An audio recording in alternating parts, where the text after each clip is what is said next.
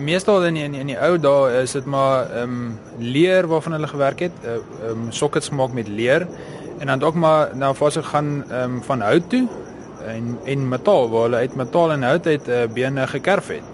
En dan ehm um, dit dit so ge gebruik het.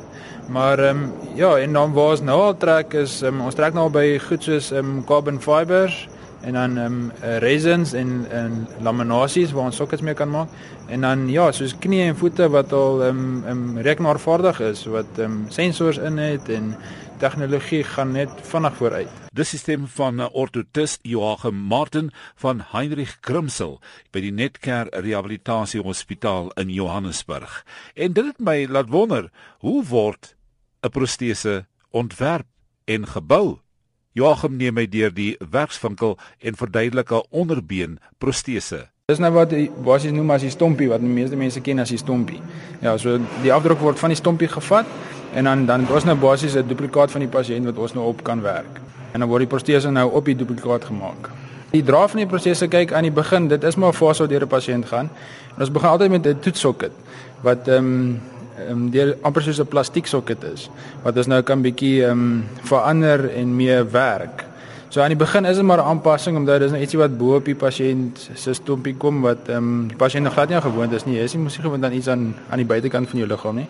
So dit is maar aanpassing, so maar ja, so ek sê ons maak 'n test sokket en dan van daar af kan ons hom verander om nou lekker gemaklik te pas. Ja, want want in proteses is daar is daar drie belangrike goedjies.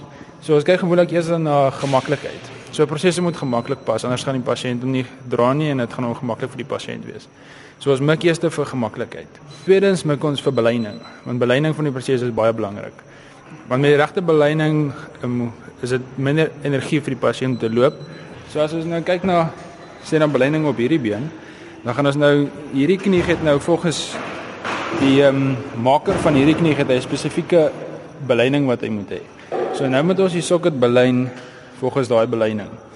En dan soos het 'n frontale beleining en dan ook 'n laterale beleining. En dan al hierdie moet nou in daai kriteria van die komponente volg. En dan met die regte beleining dan weer dan gaan die pasiënt lekker gemaklik loop en alles uit die prosesse uitkry wat hy moet kry. So dit is die tweede belangrikste ding. En dan heel laaste, derde belangrikste is die komponente. So mens kan enige komponente want daar's honderde soorte komponente soos jy op baie voorbeeld daar kan sien. Daar is honderde komponente waarvan mens kan kies.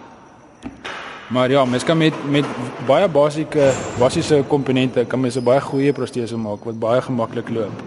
Maar die belangrike een is die nommer 1, wat is die gemaklikheid en tweede is die beleining. En dan derdens, maak nie saak wat se komponente mens gebruik nie. So mens kan van 'n basiese hidroliese knie soos hierdie tot 'n um, microprosesse knie gaan en wat baie groot prysverskil is. Maar ja, as die eerste twee goedjies reg is, dan kan daai twee prosesse amper dieselfde funksie hê. Nou anders as in die flieks waar die bioniese karakter geskep word om 'n sekere helde daad te verrig wat die wêreld sal bevry, gebeur daar in die werklike lewe iets anders.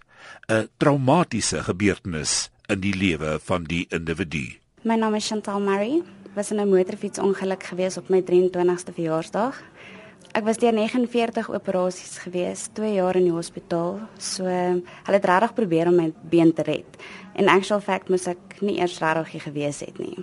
Ongelukkig het ek my been so erg gebreek en ek het glad nie gevoel gehad van die knie af onder toe nie en ek meen ek het my been in die bed ook gebreek en nie eens geweer af van nie. Ja, so die been was baie bros gewees. En ook met die ongeluk self het die kar wat ons getref het, hy het van sy baan af in ons baan ingekom en ons van die motorfiets afhaal en ek het basically die volle impak gevat daarvan. Nou, soos wat die kar my getref het, het hy die hele voorkant van my shin weggery en die motorfiets se engine het die hele so skaaf area, daai muscle gedeelte weggebrand. So daar was glad nie spiere nie. En my been sou 12.5 cm korter gewees het en dit was regtig net 'n oorlas geweest. Ehm um, ek sou teen toe aan nooit weer kon loop nie en jy weet 'n jaar, presies 'n jaar, 'n maand en 'n dag na die ongeluk het hulle my been geamputeer ek kyk nie een keer terug nie. Chantal Marie is ook 'n held in die werklike lewe soos baie ander.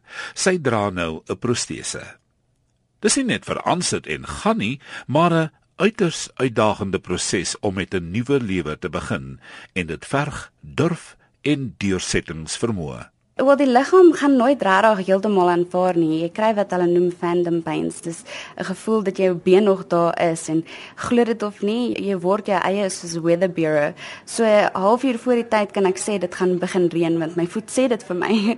jy weet so daai gedeelte gaan nooit regtig weg nie. Dit raak minder, ja ehm um, as jy 'n protese het en jy kan aanvaar, ook 'n aanvaring daarvan maak hierdie phantom pains wat jy ervaar baie minder. Maar ja, rehabilitasie moes definitief gebeur het. Ek het eintlik ook hiernatoe gekom na die Netcare rehabilitasie sentrum toe been gekry en ek is een van die gelukkige mense wat kon opstaan en dadelik loop. Jy weet, dit was in my kop om te wou loop en jy het ongelukkig 'n bietjie van 'n sielkundige nodig daarvoor want om 'n been te verloor is om soos iemand aan die dood af te staan. Jy weet daai seer wat jy ervaar is is daar en dit is reëel. Dit was dis deel van jou.